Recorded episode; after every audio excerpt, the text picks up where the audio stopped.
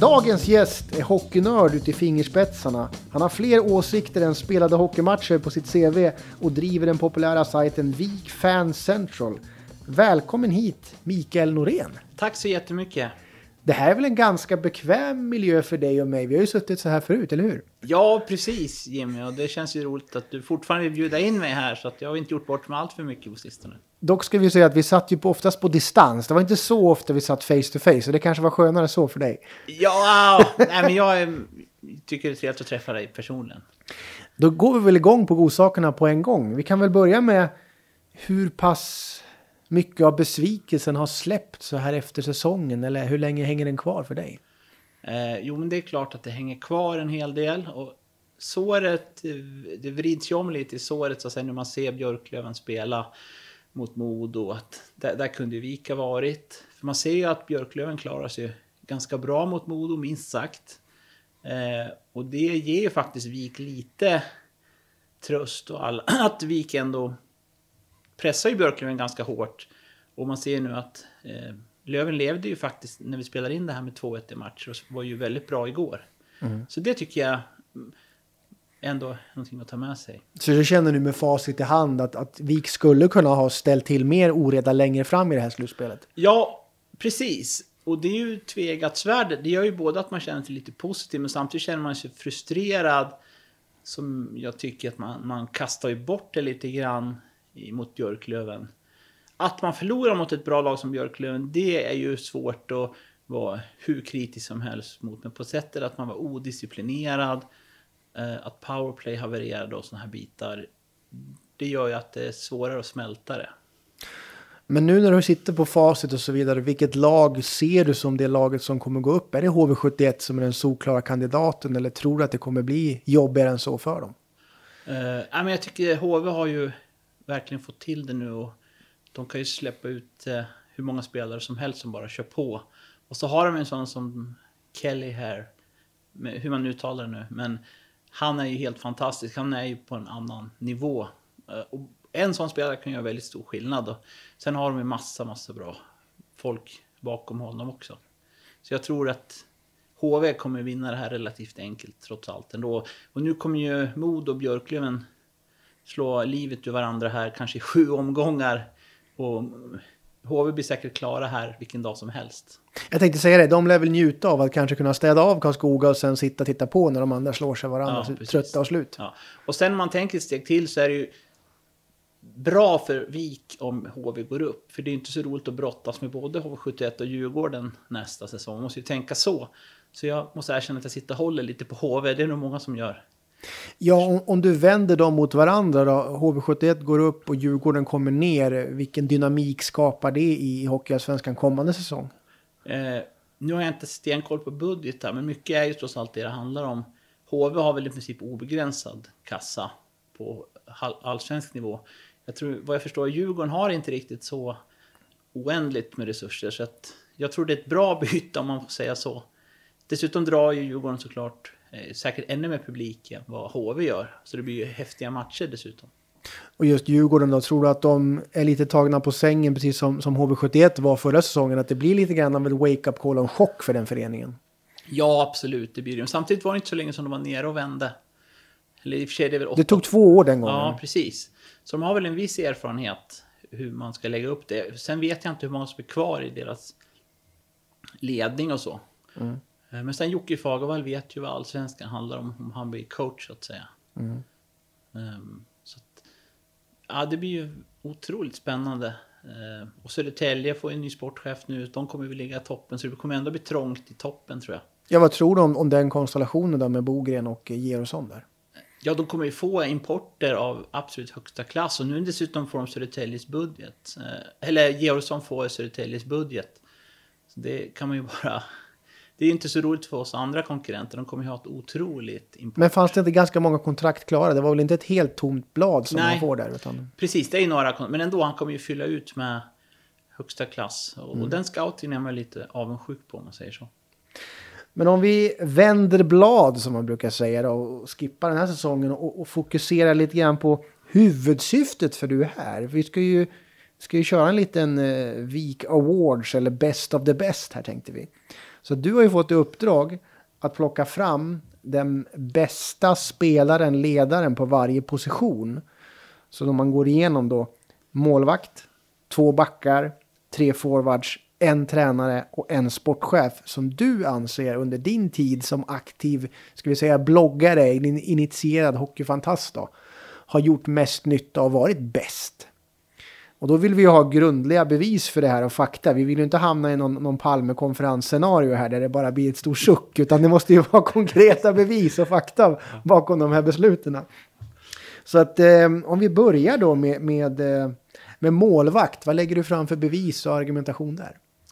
Det är ju så att vara bäst när det gäller, när det, hela föreningens framtid står på spel på ett sätt. Så det går ju faktiskt, det kanske är överraskande för mig, men jag skulle faktiskt säga Marcus Dahlbom här. För han kan vara den största, eller han är den största anledningen till att vi gick upp tillbaka i Allsvenskan direkt. Han var så fantastiskt bra i det kvalet och hela säsongen egentligen. Um, hade det velat sig illa kanske vi nästan hade varit kvar i ettan. Björklöven var ju kvar i ettan kanske fyra, fem säsonger. Så lätt är det inte att gå upp. Men man får aldrig glömma Marcus Dahlbom där tycker jag. Hur fantastiskt bra. För det laget var ju inte så superbra. Trots allt eh, budgetmässigt och så vidare. Det fanns ju andra ettan-lag som har liksom tyngre trupper. Men det har ju Dahlbom mångt och mycket som rädda laget då tycker jag. Och Dahlboms resa i Vik är också lite fascinerande. Kommer hit och, och får spela andra fiol bakom etablerade namn till en början och gör väl kanske ingen större väsen av sig. Gör den här succésäsongen och sen året efter så blir det också någon form av, ska vi säga, baksmälla eller luften går ur och man får vara andra fiol igen. Så det är ju eh, lite elakt sagt one hit wonder kan man väl säga. Det var någon som sa till och med eh, att han tömde sig så otroligt den där säsongen mentalt och fysiskt att han hade svårt att ladda om. Ehm, så han på något vis brände ut sig för Viks skull om man skulle spetsa Han offrade sin hela karriär för, för den uppgången. Ja, man spetsar till det. Det var någon som sa det, någon insatt som sa det typ så att eh, vi är för evigt tacksamma till Marcus om han lyssnar på det här. Fanns det någon då bubblare som du kände liksom låg hack i häl eller var han ensam ja, på toppen? Jo, där? absolut finns det ju. Eh, ja, nu sa ju du att jag skulle ta med men när jag började titta på Tommy Salo var ju en viktig person för mig bland annat när jag började titta. Eh, jag kommer ihåg första matchen jag såg med Vik, då var han dagens junior i matchprotokollet. Och det var liksom häftigt. Matchprogrammet. Ja, vad sa jag? Matchprogrammet heter det. Det här lilla vita saken som fanns förr i tiden som man inte klappade med. Nej, precis, precis. Eh, och det, det är ett starkt minne. Sen kommer jag ihåg när vi var små då så stod vi efter varje match kvar nere i, i, vid omklädningsrummet och försökte tigga klubbor och så här. Och då kommer jag ihåg att han var snäll Tommy. Eh, och sen det att han vann OS-guld. Liksom, han var ju med och vann elitseriens grundserie där 92-93. Mm. Så han var ju viktig att etablera Vik på en hög nivå, eh, tycker jag. Ja, för man, man får ju också lägga in de parametrarna att, att vara bäst i SHL är väl en sak. Nu var ju Marcus Dahlbom var ju bäst i Hockeyettan, mm. så det blir ju mm. sådana parametrar också. Men jag tänkte just det jag väger väldigt tungt, vad som är viktigt för Vik. Ja. Och då tycker jag Dahlbom och Salo har varit viktiga på olika sätt, olika nivåer såklart, men mm. ändå för själva klubben. Ari-Pekka Sikinen tycker nog annat. Jo, men han, han kämpar ju, men han, han... Ja, jo, just det. Det, det borde jag ju nämnt också, att han räddade kvar laget där i kvalserien. Dock förgäves, för det, det, det, sjönk ju, det skeppet sjönk ju ändå. Men ja. han räddade det från, från tidigare ja, våren, förlisning. Ja, precis. Det var våren 97 där. Just det. Han ja. hade ju något rekord tror jag i SHL antal skott. jag tror han fick 60 skott på sig mot Färjestad borta, ja. rädda 55. Så att det, ja. Men han var väl också helt slut efter säsongen? Ja, han var helt knäckt. Han, han hade nog, jag för mig att han hade kontrakt ett år till, men han tyckte väl att nej, det här räcker med ett år. Jag har sett det nu. Ja. Nu, nu, kan jag det här. Ja, det måste vara den mest utsatta målvakten typ i hockeyhistorien, höll jag på att säga. Så, så dåligt lag han hade framför sig. Så att, det har du rätt Jimmy, det, det borde jag faktiskt ha nämnt där att han våren 97 i kvalserien. Man kan säga att han kommer på en tapper tredje plats absolut, på den här listan. Absolut, absolut. Eh, om vi lämnar burväktarna då, går över på två stycken backar. Du får två backar, vi, vi är inte så snåla med en back, utan du får en, en femma här, en back. Ja, men då skulle jag faktiskt återigen det här hur viktigt det var i den här kvalserien uppåt att vi kom tillbaka. Och två Västeråskillar nu, Jimmy Jansson och Alexander Lindelöf, som var liksom hemma och starkt bidragande orsaker att ta upp laget. Och sen tycker jag man kan titta även lite framåt nu har vi tagit tillbaks Lindelöf. Och jag tycker det är lite häftigt att ha två hemmasöner nu som blir otroligt viktiga i den här fortsatta satsningen. Att de behöver överträffa sig själva. Mm. Så att... Eh, ja, jag, jag fokuserar ganska mycket på den här kvalserien, men jag tycker då liksom stod vi vid brant nedförsbacke eller att försöka ta oss upp och då bidrog Jimmy och Alexander otroligt mycket. Men det är väl också så att eftersom laget kanske inte har haft några jättestarka slutspel under de här åren, varken i SHL eller i Hockeyallsvenskan, så får man väl ändå titta på när man faktiskt har vunnit någonting och gjort någonting. Och då får vi ju sträcka oss tillbaka till slutet på 80-talet där när man tog steget upp. Eh, men då kan man kanske inte kvalificera sig in på din lista för då följde de inte lika hårt. Nej, precis. Jag är fortfarande väldigt ung. Eller alltid relativt. Men, så att det är ju tyvärr, de, de äldre här tycker nog att, att jag är alldeles för modern i mina val. Men, men någonstans måste man ju dra strecket. Jag har ju inte upplevt så mycket framgångar på läktaren. Utan det var ju egentligen att man tog sig upp. Det är väl den största framgången om man ska vara helt ärlig.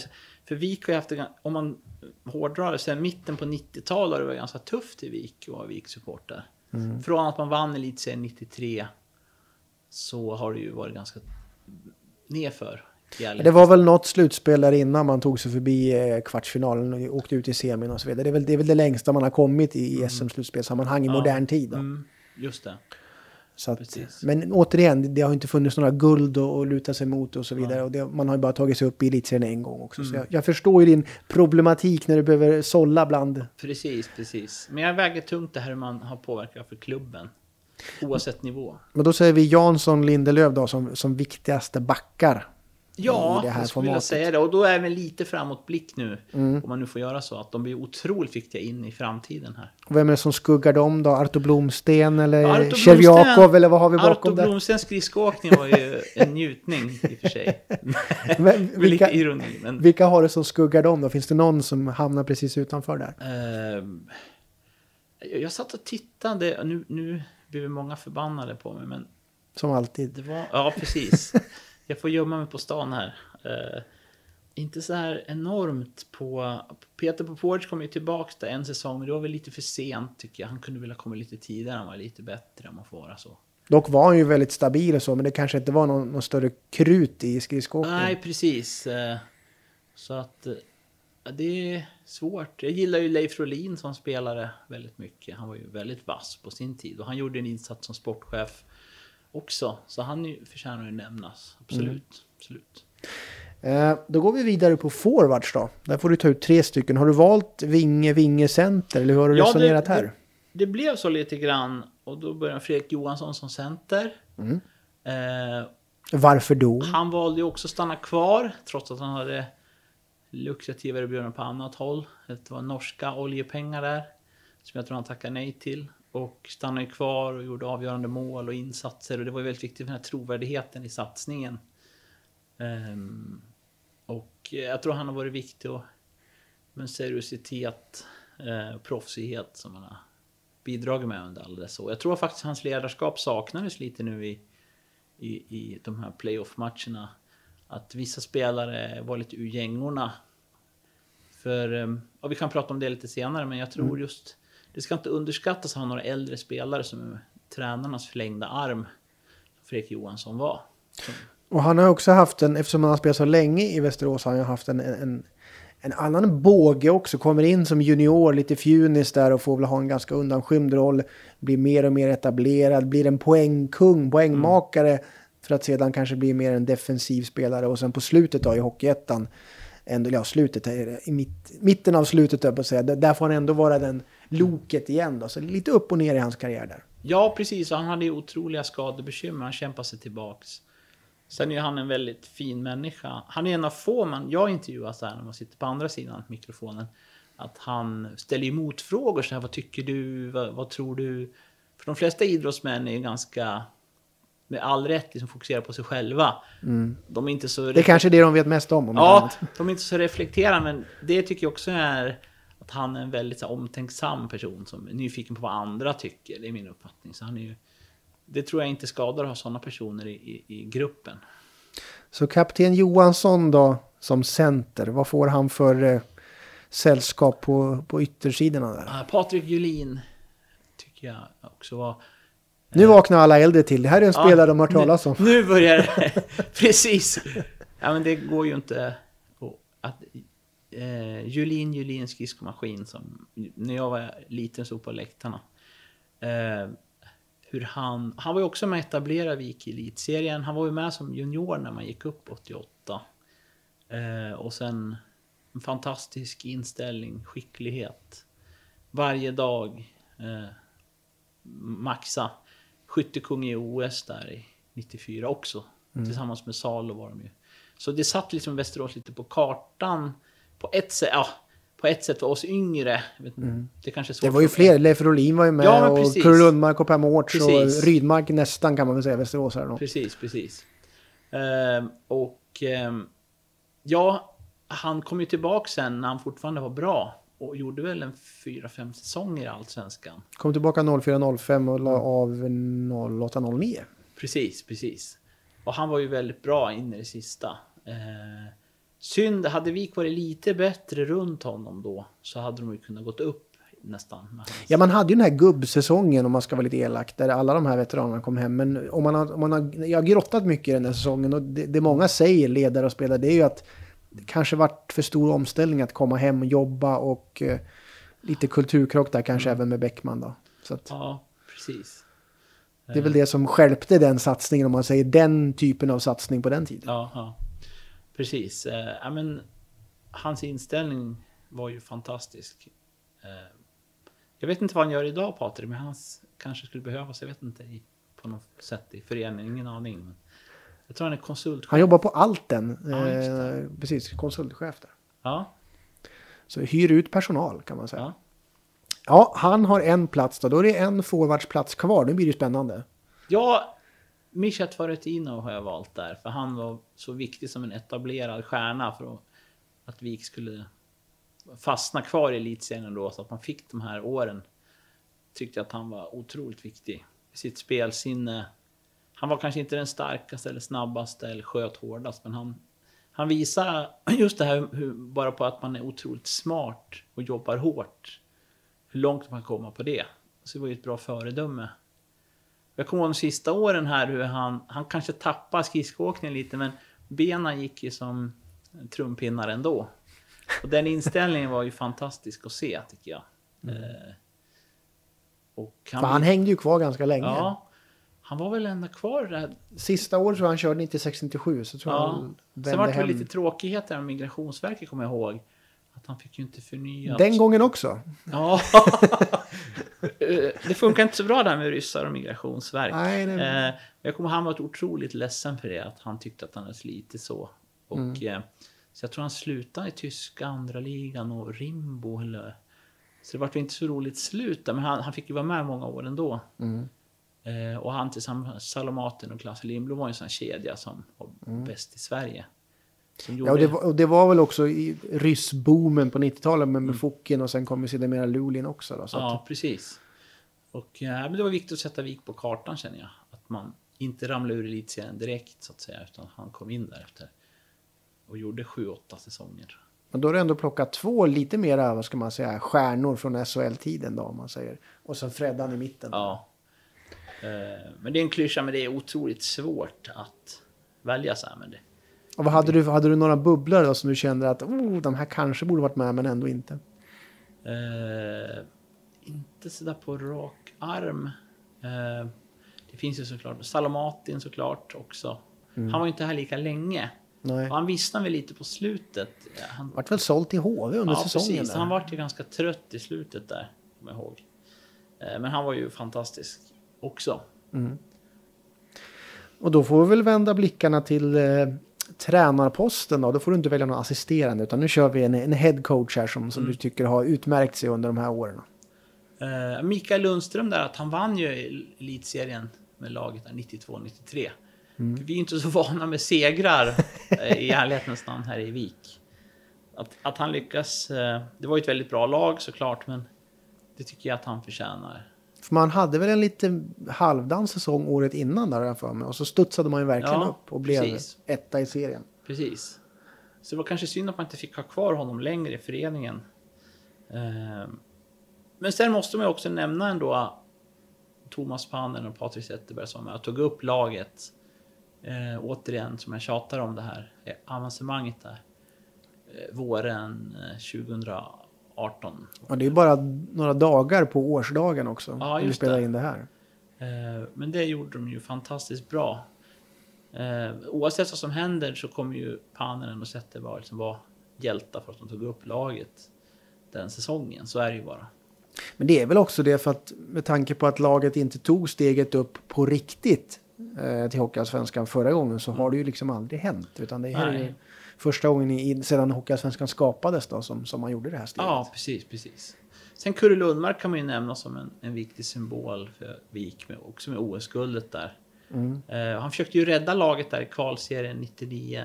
Mm. Men det var väl lite för sent han kom in. Jag får mig att så när han kom in så lyfte laget, men Ja, det räckte väl inte. Man hade väl torskat eh, hemma mot Södertälje med 3-0. Ja, någonstans. Någon gång när strömmen gick i slutet på matchen. ja, just det. Då svartnade det helt för Vik kan man Ja. säga. Stod det stod med nattsvart Vik, det stod i tidningen. Ja, det var så. Men, men, men som du säger, och sen hade ju han lite olika sessioner där jag är otroligt dåligt bevandrad. Men 70-tal och 80-tal var Mm. han också in i båset där och, och körde Vik på allvar. Och Pelle Mårts förtjänar också att nämnas. Men du säger Mikael Lundström är ändå på toppen där. Han är den crème de la crème och sen de andra får vara lite honorable mentions då. Ja, men att vinna elitseriens grundserie, det är ju det finaste Vik har gjort i modern tid ändå, får man säga. Mm. Sen eh, såklart, när man gick upp med, nu tappar jag namnet, det får du klippa, eh, han som tog upp laget. Sven-Åke Svensson. Ja. Jag behöver inte klippa, vi kan bara erkänna att du inte kan det. Sven-Åke Svensson tog upp laget. Det var ju också en fantastisk... Eh, Mm. Och han har vi ju intervjuat i podden på din Ja, sida också. Det är ju precis. en riktig figur, Ja. måste vi säga. talangscout för Boston numera. Det var väl återigen lite synd att man tappar de här tränarna. Men Framför... i hans fall, vad jag kommer ihåg, han ville ju inte köra i SHL, eller Elitserien som det heter. Det, det där är inget kul, något citat Mm. Nej, från honom, precis. att nu har jag gjort mitt. Och det är väl så att han kanske kände också att, att vara ett topplag och gå upp och sen på något sätt börja om längst ner i hierarkin, det kanske inte var så lockande. Nej, precis. Så man har tappat några av de här ledarna tyvärr lite väl fort, så att säga. Ehm, tränaren var avklarad och då har vi sportchefen kvar. Eh, och där kan man väl också flika in historiskt att det har väl kanske inte funnits rena sportchefer heller så länge. Kurre Lundmark hade ju någon sån roll där, klubbchef slash sportchef och så vidare. Sen fanns det värvningsansvarig och nu pratar vi liksom 90-tal.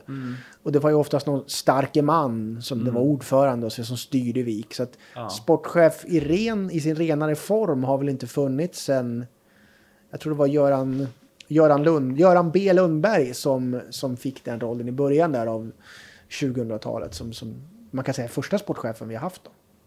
Precis. Eh, Jag nämnde ju Patrik Zetterberg lite tidigare, men, men eh, det är ju det här att han, han byggde ett lag som gick upp på en säsong i, i ettan med ganska små resurser.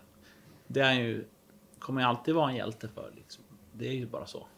Eh, oavsett vad som händer nu framöver. Eh, Niklas Johansson var ju ändå nära. Det där, vi pratade här innan det här förbaskade kvalet våren 2015 mot Karlskrona. Vik vann ju första matchen och vann grundserien. Där fick ju Niklas ändå ihop ett bra lag. Han, han vågade ju tuffa beslut. Att han tog in Filander ändå har ju visat sig vara en, en högklassig tränare. Som, men man ser vad han gjort med Oskarshamn. Så där var ju Niklas Johansson extremt nära en framgång. Han var väl också en sportchef som på något sätt spurtade in i sina säsonger för att det var ju oftast på slutet där som man gjorde någon form av eh, flera matcher i rad för att ta sig till målet. Var ju, man var väl kanske inte spikrakt hela Nej. tiden. Han var ju inte rädd för att göra förändringar och, och sitta och fundera. Utan han, han vågade ju rätta sina misstag snabbt. Eh, och han sa ju redan då att kontinuitet är överskattat. Och då tycker jag att det lät konstigt, men ju mer jag har funderat på det här med att kontinuitet, det är nog lite så. Men när man ser på Kalin, han går in en säsong och gör Modo fantastiskt bra och de får ny sportchef och bättre värvningar. Jag tror inte man ska vara rädd att göra förändringar faktiskt om man ska vara ärlig. Utan, En sak som är lite talande för just Niklas Johansson är att vi tog ju faktiskt två lagbilder under en säsong. För att det var så otroligt mycket nya spelare inför kvalet så man tog en lagbild Ja. till. Så att, ja, det säger väl lite grann om hur många spelare som lämnade och kom under Ja, säsongen. Jo, men till slut blev det ju ofta bra. Även om under just själva slutspelen så vissnar ju många av de här importerna, om man ska vara ärlig. Förutom då 2014-2015 var det ju väldigt nära. Ehm, men totalt sett var jag väldigt duktig med importsidan. Totalt Mm. sett. Så vilken sportchef väljer du då? då? Vilken är det som är den, den mest framgångsrika? Ja, nu har ju Patrik Zetterberg haft en tung säsong med värvningar, men jag, även mina tidigare granskare har han ju värvat ganska bra totalt sett, förutom den här säsongen. Och att han ändå tog upp laget. Och Så- tog en tredje placering året efter. Så man kan säga Precis. två riktigt bra säsonger på varandra. Precis. Så han får nog ändå... eh, Just att man, man vinner någonting och vinner en uppflyttning. Det är vi ju som sagt inte bortskämda med. Det är det som räknas i slutändan. Ja, det är väl unikt om inte annat. Ja, precis. Det, eh, men det gäller att han kommer tillbaka. Han är ju självkritisk nu, Patrik, sunt nog efter den här säsongen. Så vi, vi hoppas på att det blir ja, en stark comeback. Om vi återupprepar då för de lyssnare som somnade i början av redogörelsen så har vi ju Marcus Dahlbom, målvakt. Eh, Alexander Lindelöf, Jimmy Jansson, backar. Eh, Patrik Julin, Fredrik Johansson och Mischa Faratinov, eh, forwards och center. Eh, Mikael Lundström, tränare. Och sen Patrik Zetterberg, sportchef. Mm. Eh, de här personerna skulle ju aldrig kunna spela ihop, det är lite olika generationer, men, men det är ändå ett, en ganska trevlig laguppställning. Ja, absolut. Den här är ju... Eh, Det kanske är den typen vi hade behövt då för att ta klivet om man säger på liksom alla spetsegenskaperna på varje spelare. Sen att det inte är de personligen, men, men den, den blandningen och den... Ja, men just, uppställningen. just de här forwardsen här med deras ledaregenskaper och Julin och Farutino som det tror jag saknades väldigt mycket. Ja, för det... Två lagkaptener och Mishat kanske inte hade någon bokstav, men han var ändå en liten informell ledare. Absolut. Och sen är det ju så att... ehm, ehm, Uh, nu tappar jag tråden. Ja, det är ofta. Tur att du får klippa. Det var någonting jag skulle säga. Fan. Ledare, spelare. Ja, det var det vi gick sakna. Mm. Just sådana äldre. Och den som faktiskt var äldst, vet du vem som var äldst i truppen i år?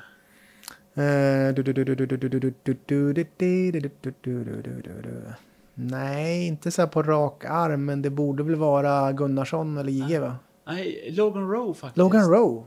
Ja, Så det säger ju... Han ser så ung ut. Ja, ser ut som en det säger Baywatch-gubbe. någonting tycker jag att där kanske man underskattar vikten av, om vi titt- börjar titta lite framåt.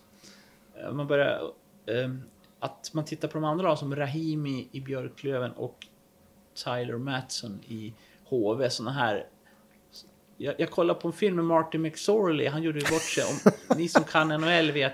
Han använder pratar- ju klubban till något helt annat Ja. än att spela hockey med. Precis, men innan dess så var han ju lite mera eh, ren, så att säga, i spelet. Lite, med betoning på lite. Men han pratar ju om att man, man behöver så här grizzle veterans, liksom. Att man behöver verkligen så här förhärdade veteraner för att komma någon vart. Det tror jag vi det tror jag man måste få in igen i laget. Mm. Jardeskog kan ju, kommer ju bli en sån. Han är ju, han är ju fortfarande relativt ung. Men en sån som Stefan Varg, sådana typer tror jag att man behöver få in. Som, som verkligen sätter exempel, så att säga. Mm. Det tror jag är någonting man behöver titta på. Jag hoppas att eh, Patrik Zetterberg ringer till Stefan Varg eller liknande spelare. Ja, för vi kommer ju in på det nu när vi lämnar den här uh, Best of the Best. Uh, vi lägger den åt sidan. Tack så mycket för att du, du listade alla de här namnen som, som många av lyssnarna säkert hade ingen aning om vilka det var. Tyvärr. Men nu har vi i alla fall pokalerna inköpta och ingraverade så vi går till nästa uppgift. Det är ju lite grann det här med det som komma skall. Alexander Lindelöf är på plats, eh, signad och klar när vi spelar in det här. Det är det enda nyförvärvet än så länge. Eh, kommentar kring hans comeback till att börja med. Jag tror det är helt rätt. Eh, Man behöver någon mer kreativ spelare. Vik spelar ju ofta den höghastighetshockeyn. Men man behöver ha fler dimensioner i laget där allt inte bara handlar om nord-syd som man säger, bara fram och tillbaks i full fart. Utan man behöver kunna spela lite mer i sidled, lirka lite mera, som Modo spelar till en viss del. Där tror jag Lindelöf kan vara väldigt bra. Att det blir mer svårläst, vad man ska hitta på. Han kan både skjuta och passa. Och han har de här unika mjuka handlederna. Att han kan smeka fram passningar. Och det tror jag Lukas Zetterberg behöver. Så där tror jag det kan bli betydligt bättre skottlägen för Lukas. Så det är ju värt hur mycket som helst. Mm. Eh, vad har du då för bruttolista på nyförvärv och ska man säga, förväntningar inför kommande säsong? Då? Vad är det du vill se? För du sitter ju inte på facit och vi har ju inget facit alls nu utan det är mer vad skulle du vilja se? Men jag delar ju Patrik Zetterbergs analys att det behöver fyllas på uppifrån. En helt ny toppfemma. Där Kalle Östman vore ju drömförvärvet på centersidan. Och generellt sett så hoppas jag att man prioriterar extremt hårt på centersidan. Men eh, för att flika in där, för att det pratas mycket om Kalle Östman då. Vad är, vad är det som säger att han är lika bra nu? För jag försöker bara vara lite resonlig nu. Han var ju succé då.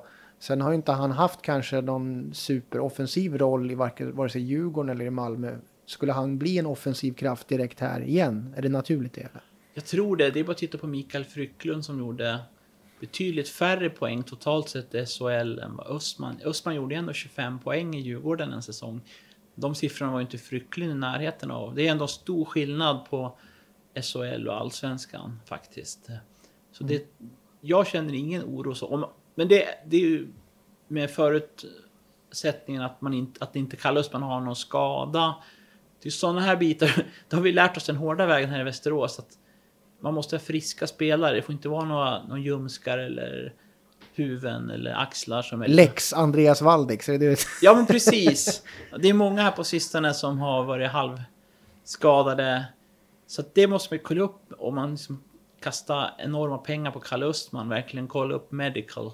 Så att det inte är något sånt. Men är det inget sånt så ser jag ingen eh, anledning till att han inte kan göra 50 poäng. Faktiskt, det är Så jag- centersidan har du liksom som en önskelista där. Men eh, vad, vad finns det mer? Ja, Jag vill bara säga det om centrar också, att man ska inte gå in till säsongen med fyra naturliga centrar, utan jag tycker man ska värva så man har minst fem riktigt, riktigt bra centrar, så någon får gå ytter, kanske till och med sex. eh, eh. Så därför tycker jag det är intressant att man hör lite skvaller om eh, Chic. Tyler heter han nu för namn. Trevor Sheek. Trevor, förlåt, nu börjar jag tappa koncepten. Ja. Trevor Chic i Kristianstad gjorde ju 21 mål, ett extremt tuff. Kan gå ytter men även extremt bra tekare, kan gå center. Han vore ju ett drömförvärv. För jag tycker Vik hade ju en jättestor svaghet den här säsongen. Att det här samspelet mellan backar och forwards, hur man skymmer målvakterna, det var ju väldigt svagt tyvärr. Man ser Modo är otroligt bra på det. De har ju den här Svenningsson som är extremt bra. Han ställer sig precis i ansikte, precis i rätt ögonblick. Så kan Bernhardt pricka in puckarna där det finns luckor så att säga. De är så skickliga. Vi har ju också så skickliga skyttar. Så jag tror en sån som Lukas Zetterberg har ju lidit lite av det här att att man liksom flyttar sig lite i fel lägen. Men det där är också en konst i sig. Det är lätt att säga att det bara ställer sig framför mål. Men jag tror en sån som Chic har det i sig. Så jag hoppas verkligen man går hårt efter någon sån spelartyp. En Thomas Holmström-figur alltså. Som, som Precis, vet vad man ska det, göra. För där var det ju... Som Jimmy Jansson la ju så otroligt mycket skott eh, otajmat. Och det är ju både Jansson kan bli bättre på det, men även forwards. Där måste de jobba jätte, jättehårt, annars kommer inte vi komma någon vart. Liksom. Men centersidan då? Eh, vad finns det mer för önskemål från din sida? Eh, ja, men det är ju att man får in någon som är minst lika bra som Isak Skedung där på bredden. För då har man ju, skulle man få- så fall ha Östman, Frycklund, Skedung och någon till. Eh, och kanske Kik då som går ytter. Så någon på Isak Skedungs nivån som är extremt skicklig defensivt men som har åldern kanske på sin sida att bli växla upp offensivt. För man måste också ha en viss rimlighet ekonomi, ekonomiskt också. Sen vet jag inte, Patrik Berglund är ju någon sån där som svävar någonstans där ute. Men jag vet inte om han är mer intresserad av att spela golf och sådär. Han kanske är nöjd liksom. Det är jättesvårt att säga hur han känner sig. Eh, Eh, I övrigt då, backsidan, eh, där är det väl halvfullt i alla fall. Just nu i alla fall. Mm. Eh, ja, men jag tror att man behöver få in en sån som Marcus Karlström vore ju bra för att liksom höja skicklighetsnivån. Alternativen i powerplay. Eh, men sån även, ju mer jag tänker på en sån som Stefan Varg som har varit kapten i SHL. Fick gå från Djurgården nu. Han skulle jag verkligen kolla upp. Om han, är, om han liksom är frisk och laddad skulle jag ju gå hårt för en sån typ. Han Är eller det någon, Rahimi-varianten här? någon alltså? sån är ledartyp som är, gärna, kan vara lite äldre faktiskt. Ibland blir det så här fokus på att alla är över 30, liksom, då är man slut. Men jag tror det kan vara lite... Så får du inte säga. Nej. ja, jag har varit slut sedan länge i för sig. Nu känner jag mig dålig. Ja, men jag tror det. Mer 30. jag tänker på det, och det är kopplat till det här med ledarskapet. För jag tror också Thomas Pannanen och Patrik Fagerlund är otroligt snälla coacher som lägger mycket på spelarna. Och då bygger det på att man har tuffa spelare som hjälper dem lite grann och förmedlar det här. Och det tror jag tyvärr det brast väldigt mycket. Det såg man på den här otroligt eh, odisciplinerade utvisningen som bara haglade i slutspelet här. Eh, och jag kan säga att jag höll på att bryta ihop när jag såg det. Det, det var inte alls bra. Eh, här måste ju Vik ta ett tag ordentligt. Att det måste vara slut med det här med odisciplinerade utvisningar. Gör du sånt, då får du inte spela. Där måste det vara glasklart. För det kan vara så att vissa spelare tycker men jag är så bra ändå, jag kan kosta på mig att haka och dra en kull och sätta upp armbågar i huvudet och tackla sent. Det måste liksom vara slut med det. Eh, för det är inte bra för någon trovärdighet åt något håll, man ska vara lite allvarlig här. Eh, för det förstörs otroligt mycket på många sätt när man drar på sig de utvisningar, för det är så tajta matcher. Man förstörde ju hela avgörande matchen i, i Löven efter en bra första period. För att man helt tappar koncepten i andra perioden på ett sätt som det är inte alls acceptabelt. Där måste vi göra en stor haveriutredning. Coaching måste bli mycket, mycket tuffare. De det som... låter ju dock som att du har gjort utredningen redan. Du, du har ju svaret ja, klart för dig. Ja, jag har gjort det, men jag sitter ju inte på någon makt så att Nej. säga. Här måste det ju verkligen till, för det går inte att hålla på sådär. Mm. Jag varit helt vansinnig i tv-soffan där. Det brann alla säkringar jag hade. Och de är fortfarande liksom trasiga, på att säga. Så där hoppas jag verkligen. Men samtidigt har ju Patrik Zetterberg pratat om det här att... Jag tror han har nämnt det flera gånger. Disciplinen, det, det går, får inte se ut sådär. Punkt Nej. slut. Mm. Hårda ord och visor, eller säga. Inga ord. Och... Ja, men jag tror de flesta som lyssnar bara håller nog med mig ändå. Mm. Sen ska man ju spela på gränsen. Mm. Um, absolut, det är otroligt viktigt. Um, uh, men det måste också vara smartness i det hela. De var lite mm. övertända vissa spelare. Mm. Det är såklart att de inte är ute efter att ta dumma utvisningar, men de måste vara lite smart också. Och där tror jag äldre ledare på plan också kan hjälpa en att, att spela tufft, men lite smartare. Men nu då, när du är både inbiten supporter, insatt bloggare, inbetalande partner vad har du då för, för, för, för kravbild på kommande säsong? År ett i den här äh, trestegsraketen är avverkat. Det blev ju inte alls som man hade tänkt sig. År två för dig, hur ser den ut? Topp fyra semifinal helt enkelt. Och sen beror det lite på hur det ser ut. Man vill ju se att vi verkligen pressar och inte bjuder på någonting och spelar disciplinerat och hårt. Eh, helt enkelt. Det är ju det är lätt att sitta här och säga, men så är det ju. Men om du tittar då på, på eh, konkurrensen i, i ligan där, vad ser du liksom? Djurgården har du nämnt, men vilka mm. tror du är, kommer vara kvar där uppe? För det går ju bara upp ett lag, om det nu blir HV, mm. då är ju fortfarande Björklöven, Modo och Karlskoga kvar. Mm. Jo, så är det ju, men det får man ju strunta i. Ja, men jag tänker mest på hur, vad du ser, liksom, vilka är det som kommer konkurrera med Vik? Vilka jo, men det är ju de du nämnde. Mm. Och Södertälje som vi pratade lite grann om. Nu kommer ju de från sportchef som på riktigt, de kommer ju direkt bli topp 5 tror jag. Mm. För de kommer ju bara rada upp eh, stjärnimporter här nu för billiga pengar. Mm. Med Emil Georgsson. Eh, och en riktig coach nu också med Bogren. Så det blir ju jättetufft. Mm. Eh. Du tror att de kommer bli, ja det är klart att de är bättre, men du tror att det kommer bli en total makeover-skillnad i, i Södertälje där? Ja, det tror jag absolut. Mm. I och för sig hur fort det kan gå, jag vet inte hur mycket frihetsgrader de får. Men om, om Georgsson får jobba fritt så lär det ju bli fantastiskt. Sen vet jag inte i och för sig på svenska spelare. Um, det är väl brasklappen. Det har jag faktiskt inte så våldsam historik på hur, hur duktig han är på svenskar. Men det får vi se helt enkelt. Men för att avrunda då. Vad ser du fram emot just nu? Är det bara silly season du tänker på eller har du liksom, känner du att du behöver en paus från hockeyn eller vad, hur känner du där? Nej, det, det, behöver jag inte. Jag tar ju lite sådana här pauser ibland. När proppskåpet har brunnit? Precis, som folk kanske har insett att man är lite känslomänniska. Men det är på gott och ont det där. Men eh, det jag ser fram emot mest är att det står att du skriver på vik.se med att Kalle Östman är klar.